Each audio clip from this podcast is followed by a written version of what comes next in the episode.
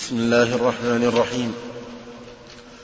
الحمد لله رب العالمين وصلى الله وسلم على نبينا محمد وعلى آله وصحبه أجمعين. قال الإمام مسلم رحمه الله تعالى حدثنا أحمد بن عبد الله بن يونس قال حدثنا زهير بن حرب قال حدثنا يحيى بن سعيد قال أخبرني أبو بكر بن محمد بن عمرو بن حزم أن عمر بن عبد العزيز أخبره أن أبا بكر بن عبد الرحمن بن الحارث ابن هشام أخبره أنه سمع أبا هريرة رضي الله عنه يقول قال رسول الله صلى الله عليه وسلم أو سمعت رسول الله صلى الله عليه وسلم يقول من أدرك ماله بعينه عند رجل قد أفلس أو إنسان قد أفلس فهو أحق به من غيره. حدثنا يحيى بن يحيى قال أخبرنا هشيم حاء وحدثنا قتيبة بن سعيد ومحمد بن رمح جميعا عن الليث بن سعد. حاء وحدثنا أبو الربيع ويحيى بن حبيب الحارثي قال حدثنا حماد يعني ابن زيد. حاء وحدثنا أبو بكر بن أبي شيبة قال حدثنا سفيان بن عيينة. حاء وحدثنا محمد بن المثنى قال حدثنا عبد الوهاب ويحيى بن سعيد وحفص بن غياث كل هؤلاء يعني يحيى بن سعيد في هذا الإسناد بمعنى حديث زهير وقال ابن رمح من بينهم في روايته أيما امرئ فلس. حدثنا ابن أبي عمر قال حدثنا هشام بن سليمان وهو ابن عكرمة بن خالد المخزومي. عن ابن جريج قال حدثني ابن أبي حسين أن أبا بكر بن محمد بن عمرو بن حزم أخبره أن عمر بن عبد العزيز حدثه عن حديث أبي بكر بن عبد الرحمن عن حديث أبي هريرة رضي الله عنه عن النبي صلى الله عليه وسلم في الرجل الذي يعدم إذا وجد عنده المتاع ولم يفرق أنه لصاحبه الذي باعه. في الرجل الذي نعم في الرجل. الذي يعدم نعم. إذا وجد عنده المتاع ولم يفرق أنه لصاحبه الذي باعه. حدثنا محمد محمد وعلى آله وصحبه أجمعين. أما بعد فهذه الحديث فيها بيان أن من باع سلعة على شخص ثم أفلس المشتري وحجر على المشتري لكثرة غرمائه لكثرة دينه فإن من وجد متاعه عنده بحاله ولم يتغير فإنه أولى بها من غيره ويأخذها. بهذا جاءت الأحاديث. الحديث الأول فيه أربعة من التابعين على نسق. أحب سعيد وأبو بكر بن عمرو بن حزم وعمر بن عبد العزيز وأبو بكر بن الحارث بن هشام. أربعة من التابعين على نسق. وفيها أن من أدرك ففيها أن من أدرك متاعه عند المفلس فإنه حق به من غيره. قوله بعينه يعني بشرط أنه لم يتغير. أما إذا تغير فإنه يكون أسة الغرباء فإذا حجر على شخص بطلب من غرمائه وأعلن الحاكم الشرعي الحجر عليه فإن الغرماء فإنه فإن فإنه يحصر ما عنده من المال ويحصى ثم يوزع على الغرماء بالنسبة. لكن ما وجد متاعه بعينه لم يتغير لا بزيادة ولا بنقص فإنه يأخذه. فمثلا لو كان شخص عليه مليون ريال حجر عليه وطلب الغرماء أن يحجر عليه حجر عليه يحصر ماله حصرنا ماله ولم يجد إلا مئة ألف. شخص يطلبه مئتين ألف شخص يطلب ثلاثمائة ألف شخص يطلب خمسمائة ألف وشخص يطلبه مئتين ألف. نعطيهم بالنسبة. فالذي يطلب مثلا مئتين ألف نعطيه مثلا بالنسبة نعطيه مئتين مثلا. إذا كان مثلا ما وجد مثلا إلا مئة ألف فعليه مليون. يعطى الذي يطلب مئتين ألف يعطى عشرين ألف. والذي يطلب ثلاثين ألف آه، ثلاثمائة ألف يعطى ثلاثين ألف والذي دينه خمسة ألف يعطى خمسين ألف وهكذا بالنسبة.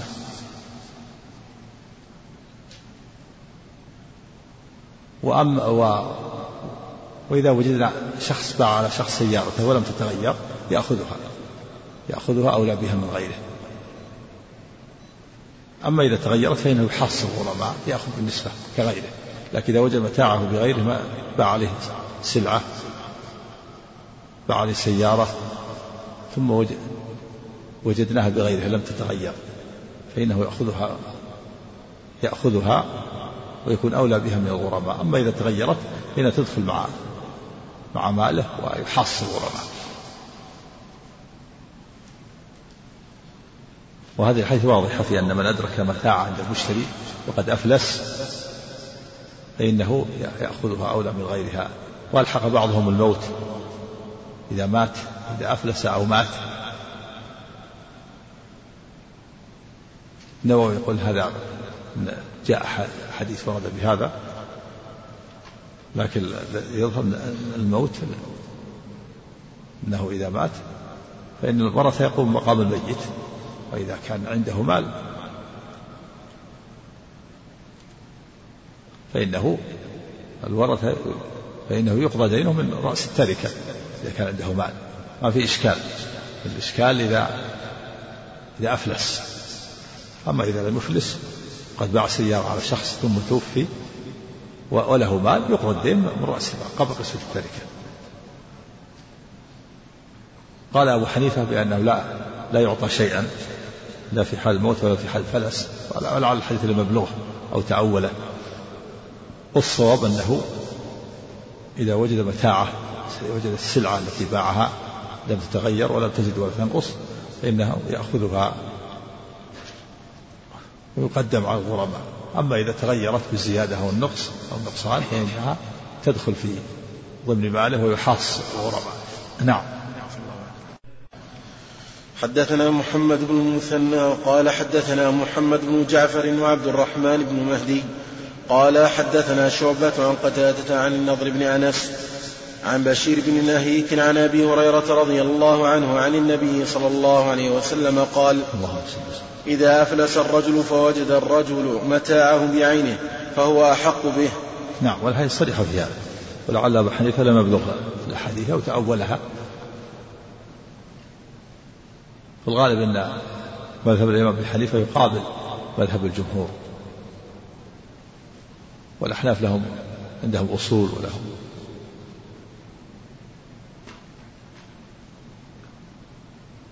أحمال لا, لا يأخذون بخبر الواحد. نعم. وحدثني زهير بن حرب قال حدثنا إسماعيل بن إبراهيم قال حدثنا سعيد. حاء وحدثني زهير بن حرب أيضا قال حدثنا معاذ بن هشام قال حدثني أبي كلاهما عن قتادة بهذا الإسناد مثله وقال فهو أحق به من الغرماء. وحدثني محمد بن أحمد بن أبي خلف وحجاج بن الشاعر قال حدثنا أبو سلمة الخزاعي قال حجاج منصور بن سلمة قال أخبرنا سليمان بن بلال عن خثيم بن عراك عن أبيه عن أبي هريرة رضي الله عنه أن رسول الله صلى الله عليه وسلم قال إذا أفلس الرجل فوجد الرجل عنده سلعته بعينها فهو أحق بها. حدثنا أحمد بن عبد الله بن يونس قال حدثنا زهير قال حدثنا منصور عن ربعي بن حراش أن حذيفة حدثهم رضي الله عنه أن حذيفة رضي الله عنه حدثهم قال قال رسول الله صلى الله عليه وسلم تلقت الملائكة روح, روح رجل ممن كان قبلكم فقالوا أعملت من الخير شيئا؟ قال لا قالوا تذكر. قال كنت أداين الناس فآمر فتياني أن ينظروا المعسر ويتجوزوا عن الموسر. تلقت الملائكة. عفى الله عنه تلقت الملائكة روح رجل ممن كان قبلكم فقالوا أعملت من الخير شيئا؟ قال لا قالوا تذكر. قال كنت أداين الناس فآمر فتياني أن ينظروا المعسر ويتجوزوا عن الموسر. قال قال الله عز وجل تجوزوا عنه. حدثنا علي بن فيه أن البيت إذا مات فإن روحه باقية لا تفنى ولا تموت الروح بل هي باقية إما في نعيم أو في عذاب فالمؤمن إذا مات نقلت روحه إلى الجنة. ولا صلة بالجسد. والكافر إذا مات نقلت روحه إلى النار ولا صلة بالجسد. فالروح ما تموت ولا تفنى. الأرواح خلقت للبقاء ولهذا تخاطب الملائكة تلقت الملائكة روح رجل. فقالوا هل عملت شيء من الخير؟ قال لا قالوا تذكر. الملائكة إذا الروح تخاطب تخاطب وتتكلم. والجسد مات.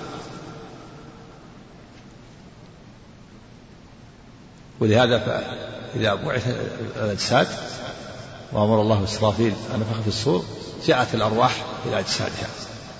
دخلت كل روح في جسدها. هي باقية. لهذا الملائكة تخاطب الروح قالت هل عملت من الخير شيئا؟ قال لا. قالوا تذكر. قال إني أنظر المعسر وتجاوز عن الموسر يعني أنظر يعني أمهله أمهل المعسر المعسر الفقير. يعني هذا الرجل يداين الناس فينظر المعسر الفقير يصبر عليه ينتظر ولا يطالبه. والموسر يتجوز يعني يتسامح في القضاء في قضاء الدين والاستيفاء ويتسامح عن النقص اليسير. فقال الله تجوزوا عنه. في هذا دليل على أن هذا عمل صالح. كل إنسان يحسن معاملة الناس وييسر وينظر المعسر والفقير يصبر عليه ولا يؤذيه بالمطالبة وال والموسر يتجوز عنه يتسامح ولا يشدد في الطلب ويتسامح عن نقص اليسير. في الحديث الآخر يقول النبي صلى الله عليه وسلم رحم الله رجلا سمحا إذا اشترى سمحا إذا باع سمحا إذا اقتضى وفي دليل على أن هذا من من أسباب تجاوز الله على العبد ومغفرته لذنوبه إنظار المعسرين والتجاوز عن المسرين.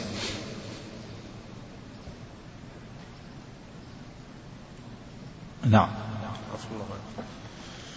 حدثنا علي بن حجر وإسحاق بن إبراهيم واللفظ بن حجر قال حدثنا جرير عن المغيرة عن نعيم بن أبي هند عن ربعي بن حراش قال اجتمع حذيفة وأبو مسعود رضي الله عنهما فقال حذيفة رجل لقي ربه فقال ما عملت؟ قال ما عملت من الخير إلا أني كنت رجلا ذا مال فكنت أطالب به الناس فكنت فكنت أقبل الميسور وأتجاوز عن المعسر عن المعسور. نعم. فقال تجاوزوا عن عبدي. نعم. قال أبو مسعود هكذا سمعت رسول الله صلى الله عليه وسلم يقول. نعم هذا فيه أن هذا أمر صالح. تجاوز قبول الميسور والتجاوز عن المعسور. يعني ما تيسر يأخذه من الدين صاحب الدين. إذا أعطاه قال عندي كذا عندي بعض الدين يأخذ ما تيسر. والمعسور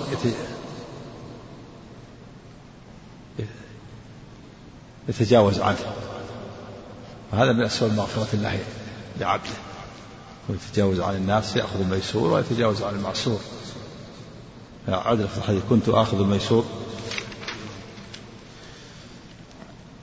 فكنت أقبل الميسور. أو هذا أول حديث فقال حذيفة رضي الله عنه رجل لقي رجل لقي ربه فقال ما عملت. قال ما عملت من الخير إلا أني كنت رجل رجلا ذا مال فكنت أطالب به الناس فكنت أقبل الميسور وأتجاوز عن المعسور فقال تجاوزوا عن عبدي. قال أبو مسعود هكذا سمعت رسول الله صلى الله عليه وسلم يقول. نعم وهذا من السماحة والشراء. يقبل الميسور يقول مثلا صاحب الدين أعطني ما عندك. قال ما عندي إلا كذا ما عندي إلا مقدار كذا وكذا. إذا كان دينهم مثلا عشرين ثلاثين قال ما عندي إلا خمسة ستة سبعة. قال هات ما عندك هات ما تيسر. والباقي ننتظر. وينتظر أو يسقط بعض الدين. هذا من أسباب المغفرة قبول الميسور والتجاوز عن المعصوم. نعم. وهذا وهذا عمل صالح. وذلك لأنه من الإحسان لعباد الله. وإذا أحسن العبد عبادة ربه وأحسن معاملته مع الخلق صار صار من المحسنين من السابقين الخيرات الإحسان في العبادة والإحسان إلى الخلق. هذا من الإحسان إلى الخلق. يقبل الميسور ويتجاوز عن المعصور. وهذا من الخير. في في أن الرجل تذكر أن هذا من الخير لما قيل له ماذا عملت من الخير؟ قال ما ما عملت شيئا. إلا أني أقبل الميسور وأتجاوز عن المعصور قال الله تجاوزوا عنه نعم. وفي اللفظ نحن أحق بالتجاوز. نعم. حدثنا محمد بن المثنى قال حدثنا محمد بن جعفر قال حدثنا شعبة عن عبد الملك بن عمير عن ربع بن حراش عن حذيفة رضي الله عنه عن النبي صلى الله عليه وسلم أن رجلا مات فدخل الجنة فقيل له ما كنت تعمل؟ قال فإما ذكر وإما ذكر فقال إني كنت أبايع الناس فكنت أنظر المعسر وأتجوز في السكة أو في النقد فغفر له فقال أبو مسعود رضي الله عنه وأنا سمعته من رسول الله صلى الله عليه وسلم حدثنا نعم. أنظر المعسر وأتجاوز عن السكة السكة النقد دراهم تسمى سكة لأنها مضروبة ولأنها عملة. تجاوز العملة.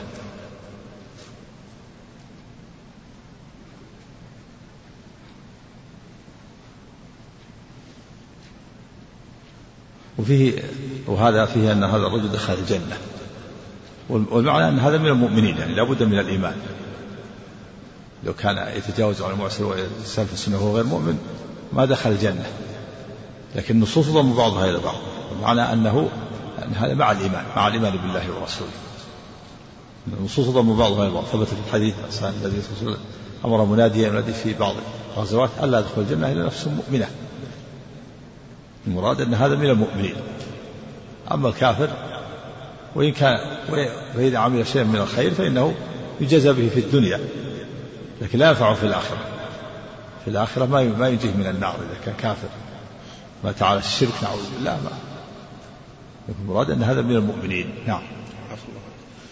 حدثنا أبو سعيد الأشج قال حدثنا أبو خالد الأحمر عن سعد بن طارق عن ربعي بن حراش عن حذيفة رضي الله عنه قال أتي الله بعبد من عباده آتاه الله مالا فقال له ماذا عملت في الدنيا؟ قال ولا يكتمون الله حديثا. قال يا رب آتيتني مالك فكنت أبايع الناس وكان من خلق الجواز. فكنت أتيسر على الموسر وأنظر, وأنظر المعسر. فقال الله أنا أحق بذا منك تجاوزوا عن عبدي. فقال عقبة بن عامر الجهني وأبو مسعود الأنصاري هكذا سمعناه في رسول من في رسول الله صلى الله عليه وسلم. خلق الجواز يعني السماح تجاوز يسمح ويعفو. كان ييسر على الموسر ويتجاوز عن المعسر. المعسر الفقير يتجاوز عنه يسمح عنه. بعض حقه والموسر الغني ييسر عليه ما يشدد عليه. ييسر. يقبل ما أعطاه. قد تكون دراهم غير حاضرة يمهله قد يكون هناك نقص يسير فييسر ولا يشد ولا يشدد. فكان ييسر. على الموسر الغني ويتجاوز على المعسر فغفر الله له. نعم. حدثنا يحيى بن يحيى وابو بكر بن أبي شيبة وابو كريب وإسحاق بن إبراهيم. واللفظ ليحيى قال يحيى أخبرنا وقال الآخرون حدثنا أبو معاوية عن الأعمش عن شقيق عن أبي مسعود رضي الله عنه قال قال رسول الله صلى الله عليه وسلم حوسب رجل ممن كان قبلكم فلم يوجد له من الخير شيء إلا أنه كان يخالط الناس وكان موسرا فكان يأمر غلمانه أن يتجاوزوا عن المعسر. قال قال الله عز وجل نحن أحق بذلك منه تجاوزوا عنه. يعني لم يوجد لهم من الخير يعني زيادة على الإيمان والتوحيد. حوسب حوسب رجل. عفى الله عنه قال قال رسول الله صلى الله عليه وسلم حوسب رجل ممن كان قبلكم فلم يوجد له من الخير شيء إلا أنه كان يخالط الناس وكان موسرا فكان يأمر غلمانه أن يتجاوزوا عن المعسر. قال قال الله عز وجل نحن أحق بذلك منه تجاوزوا عن عنه. في فضل التجاوز عن المعسرين والإحسان إلى الناس وأنه وأن الجزاء من جنس العمل. من تجاوز عن المعسرين تجاوز الله عنه الجزاء من جنس العمل. وقوله فلم يجد من الخير شيئا زيادة على التوحيد والإيمان النصوص ضم بعضها إلى بعض. فيها كان هذا الرجل موسر يأمر غلمانه فتيان. سواء كان خدم أو عمال يأمرهم أن يتجاوزوا عن المعسر فقال قال الله تجاوزوا عنه. جزاء وفاق الجزاء من جنس العمل. من شدد على الناس شدد الله عليه. ومن تجاوز عنه تجاوز الله عنه. نعم. حدثنا منصور بن أبي مزاحم ومحمد بن جعفر بن زياد قال منصور حدثنا إبراهيم بن سعد عن الزهري وقال وقال ابن جعفر أخبرنا إبراهيم وهو بن سعد عن ابن شهاب عن عبيد الله بن عبد الله بن عتبة عن أبي هريرة رضي الله عنه أن رسول الله صلى الله عليه وسلم قال كان رجل يداين الناس فكان يقول لفتاه إذا أتيت معسرا فتجاوز عنه لعل الله يتجاوز عنا فلقي الله فتجاوز عنه. نعم وفي هذا دليل على هذا الرجل محتسب لفتاه إذا لقيت معسرا أي فقير تجاوز عنه لعل الله يتجاوز عنه. هذا في استحضار النية أنه استحضر هذا. والأول لم يستحضر هذا لكن من خلقه الجواز جبله الله على هذا. إذا استحضر النية هذا يكون أفضل. يكون له أجر زائد. هذا تجاوز قصدا. لعل الله أن يتجاوز عنه فتجاوز الله عنه. في أن الله تعالى أسرع بالخير من عبده. نعم. سم. حدثني حرملة بن يحيى قال أخبرنا عبد الله بن وهب قال أخبرني يونس عن ابن شهاب أن عبيد الله بن عبد الله بن عتبة حدثه أنه سمع أبا هريرة رضي الله عنه يقول سمعت رسول الله صلى الله عليه وسلم يقول بمثله حدثنا أبو الهيثم خالد بن خداش بن عجلان قال حدثنا حماد بن زيد عن أيوب عن يحيى بن أبي كثير عن عبد الله بن أبي قتادة أن أبا قتادة طلب غريما له فتوارى عنه ثم وجده فقال إني معسر. قال الله. آه, آه الله. قال آه الله. قال آه الله. قال فإني سمعت رسول الله صلى الله عليه وسلم يقول من سره أن ينجيه الله من كرب يوم القيامة فلينفس عن معسر أو يضع عنه. وحدثنيه أبو الطاهر. قول آه الله استفهام. والهمزة القسم. من حروف القسم مثل الواو. والتاء والباء. قال والله وبالله وتالله والله. آه الله. هي مجرورة بالقسم. إنما قتل لقي معسرا فتوارى عنه اختفى عنه فسأله. فقال إني معسر. فذكره الحديث. لا ذكر له الحديث. وأن من قال من سره أن يجيه الله من كرب يوم القيامة فلينفس عن معسر أو يتجاوز عنه. والتنفيس عن المعسر يعني تأخير المطالبة بالدين. والتجاوز إسقاط بعض الدين. أعد الحديث عن أبي قتادة. الله عنك عن عبد الله بن أبي قتادة أن أبا قتادة طلب غريما له فتوارى عنه ثم وجده فقال إني معسر. قال آه الله. قال آه الله. قال فإني سمعت رسول الله صلى الله عليه وسلم يقول من سره أن ينجيه الله من كرب يوم القيامة فلينفس عن معسر أو يضع عنه. نعم. فيها له غريب يعني مدين صاحب دين. تورع اختفى. هذه عادة المدينة اختفي عن عن داعنه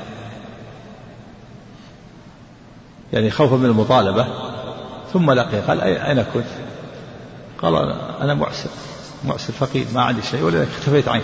قال آه الله قال آه الله. يعني والله أنك معسر الهمزة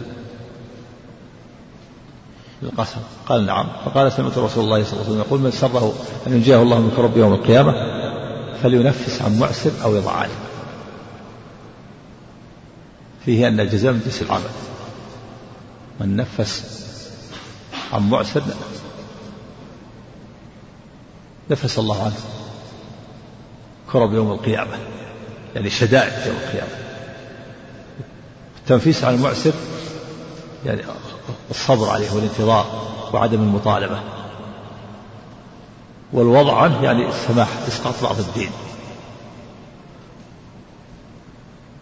والأول واجب والثاني مستحب.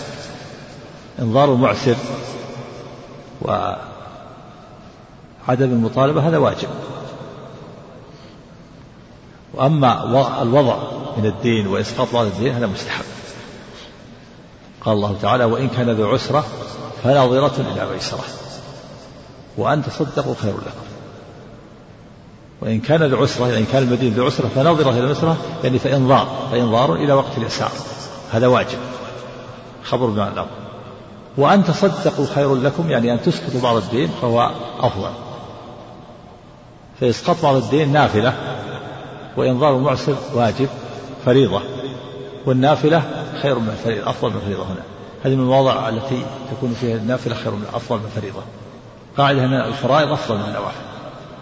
لكن في بعض بعض هذه يعايى بها؟ قال ما هو الشيء الذي تكون النافلة فيه أفضل من الفريضة؟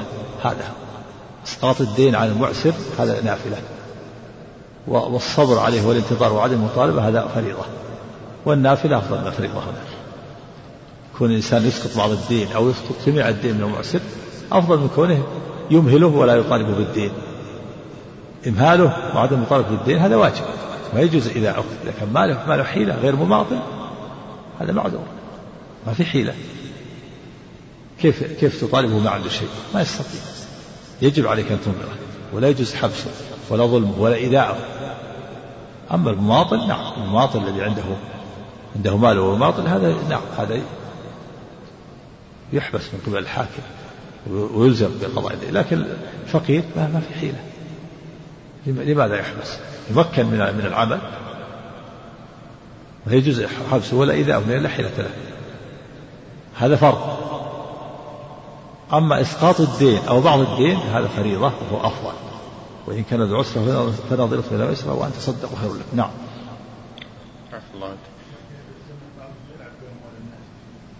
هذا المماطل. المماطل هذا إذا ثبت أنه مماطل كما سيأتي الحديث. مطل الغني ظلم يحل عرضه وعقوبته. إيه إذا ثبت أنه متلاعب يوقف عند حده يرفع به وإذا ثبت عند الحاكم الشرعي يسجن ويؤدب حتى لا يتلاعب بأموال الناس. نعم. وحدثنيه أبو الطاهر قال أخبرنا ابن وهب قال أخبرني جرير بن حازم عن أيوب بهذا الإسناد نحوه. حدثنا يحيى بن يحيى قال قرأت على مالك عن أبي الزناد عن الأعرج عن أبي هريرة رضي الله عنه أن رسول الله صلى الله عليه وسلم قال مطل الغني ظلم وإذا أتبع أحدكم على مليء فليتبع. نعم مطل الغني المماطلة. مطل الغني ظلم يعني تأخير قضاء الدين. وهو قادر هذا ظلم مطل مطل الغني يعني المماطلة بالدين وعدم والوفاء به مع القدرة عليه والمليء القادر الغني القادر على الوفاء. ظلم. وفي اللفظ الآخر يحل عرضه وعقوبته. مطل الغني ظلم يحل عرضه وعقوبته. عرضة يعني شكايته. يقول يشتكي ويقول عند قال ظلمني أخذ حقي. هذا مستثنى من الغيبة. ولا يجوز للإنسان يغتاب لكن هنا مضطر. مضطر إلى أن يطالب بحقه ويحل وعقوبة حبسه من قبل الحاكم الشرعي يحبس ويضرب يؤدب بالضرب حتى يؤدي الحق الذي عليه. بطل الغني ظلم وحل عرضه عقوبته. هنا قال وإذا أتبع أحدكم على مليء فليتبع. فيه صحة الحوالة هذه الحوالة. وأنه إذا وأن المدين إذا أحيل بدينه على مليء فعليه أن يقبل الحوالة.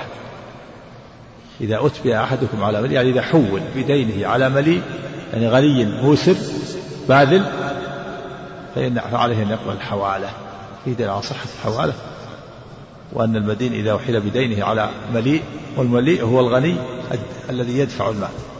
له شرطان الشرط الأول أن يكون غنيا والشرط الثاني ألا يكون مماطلا. فليتبع هذا أمر أمر بقبول الحوالة. اختلف العلماء في هذا الأمر. الجمهور على أنه للوجوب. للاستحباب. وذهب الظاهرية وجماعة إلى أنه الوجوب قيل أنه للإباحة والصواب أنه للوجوب. لأن الأصل في الأوامر إلا الوجوب إلا بصارف ولا صارف إذا أحيل الإنسان بدينه على مليء وجب عليه يقبل الحوالة. ما دام أنه مليء والمليء له وصفان. أو شرطان. الشرط الأول أن يكون قادرا على الوفاء عنده مال والشرط الثاني أن يكون غير مماطل. أما إذا كان مماطل يحتاج إلى شكاية ولو كان عنده ولو كان غني ما يعتبر مليء أما إذا أتبع على فقير أو على مماطل فلا يلزمه القبول نعم. حدثنا إسحاق بن إبراهيم قال أخبرنا عيسى بن يونس حاء وحدثنا محمد بن رافع قال حدثنا عبد الرزاق قال جميعا حدثنا معمر عن همام بن منبه عن أبي هريرة رضي الله عنه عن النبي صلى الله عليه وسلم بمثله.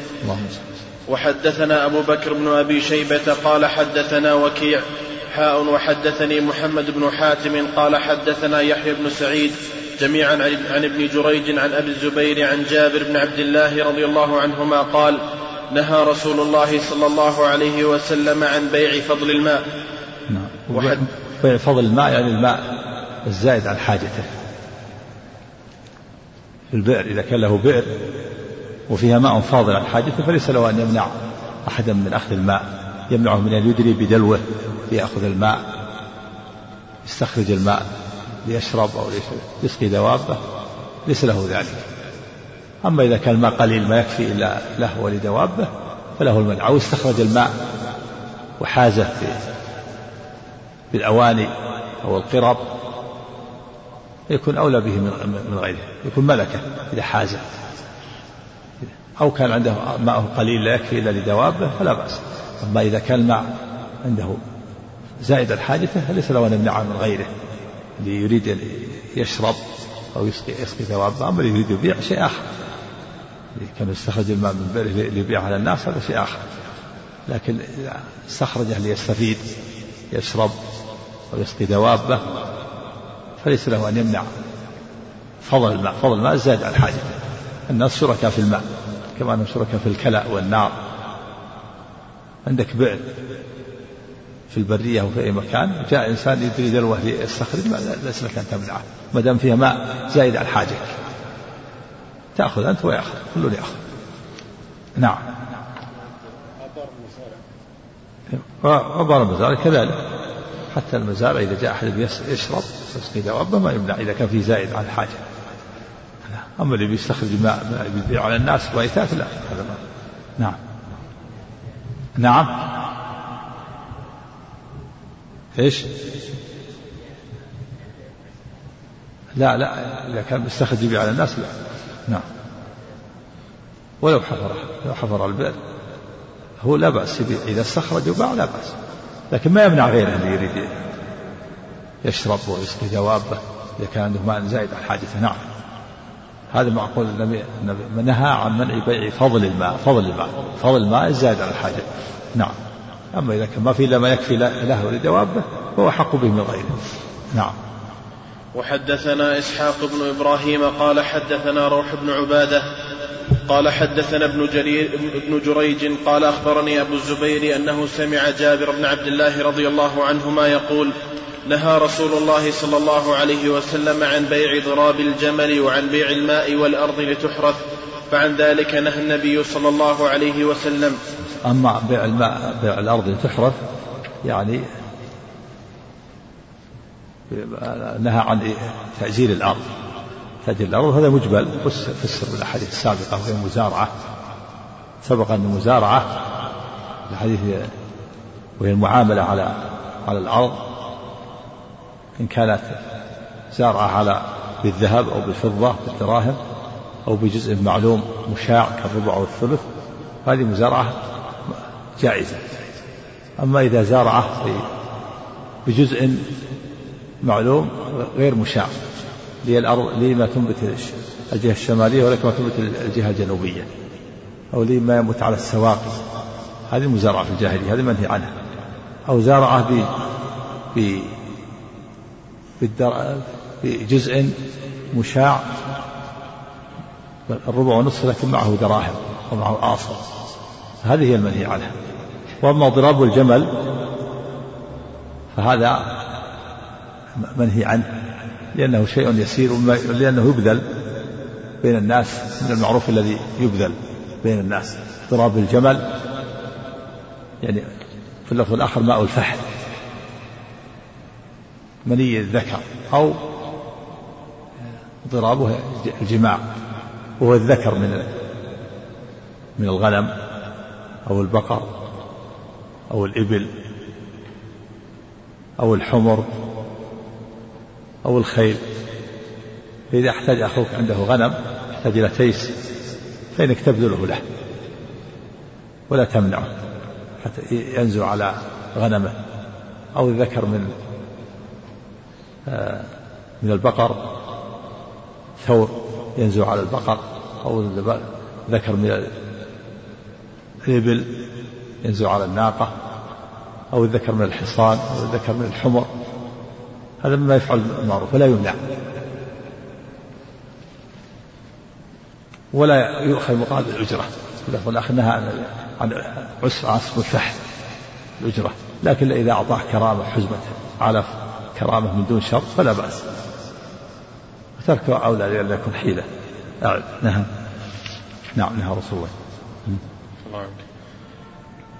قال أخبرني أبو الزبير أنه سمع جابر بن عبد الله رضي الله عنهما يقول نهى رسول الله صلى الله عليه وسلم عن بيع ضراب الجمل وعن بيع الماء والأرض لتحرث نعم. فعن ذلك نهى النبي صلى الله عليه وسلم حدثنا يحيى بن يحيى قال قرأت على مالك حاء وحدثنا قتيبة قال حدثنا ليث كلاهما عن أبي الزناد عن الأعرج عن أبي هريرة رضي الله عنه أن رسول الله صلى الله عليه وسلم قال لا يمنع فضل الماء ليمنع به الكلى. لا يمنع فضل الماء ليمنع به الكلى. يعني يمنع الماء الفاضل عن حاجته لئلا يرعى الكلى الذي حوله ليحميه لدوابه لأنه إذا سمح له بالماء رعت الدواب الكلى الذي فهو يمنع الماء الفاضل حتى لا ترعى الكلى ليحميه لدوابه نهى عن منع فضل الماء نهى عن منع فضل الماء ليمنع به الكلى كلى العشب وهو يمنعه من يسقي دوابه من الماء الفاضل لحاجه حتى لا ترعى الكلى الذي حوله ليحميه لدوابه. فهذا منهي عنه نهى النبي عن منع فضل الماء ليمنع به الكلى. لأن في كله كان يكون الإنسان له بئر في البرية وحوله عشب. وعنده ماء زائد فهو يمنع أحد يسقي دوابه حتى لا ترعى الكلى الذي حوله. يعني إذا ما سقت ما, رعت. ما شربت ما رعت. فهو يمنعهم من أن يسقوا الدواب لئلا ترعى الكلى الذي حوله والعشب الذي حوله يحميه لدوابه. فهذا منهي عنه. نعم. لأن الناس شركاء في الماء وفي الكلى. الناس شركاء في ثلاث في الماء في الكلى في العشب وفي النار. نعم. النار إذا كان عندك نار. وجاء إنسان يريد أن يقتبس منها نار ما تمنعه. ولا ولا يضرها شيء. يأتي بسعفة أو ثم يقتبس من هذه النار حتى يشعل النار في مكان آخر فلا تمنعه. نعم. وحدثني أبو الطاهر وحرملة واللفظ لحرملة.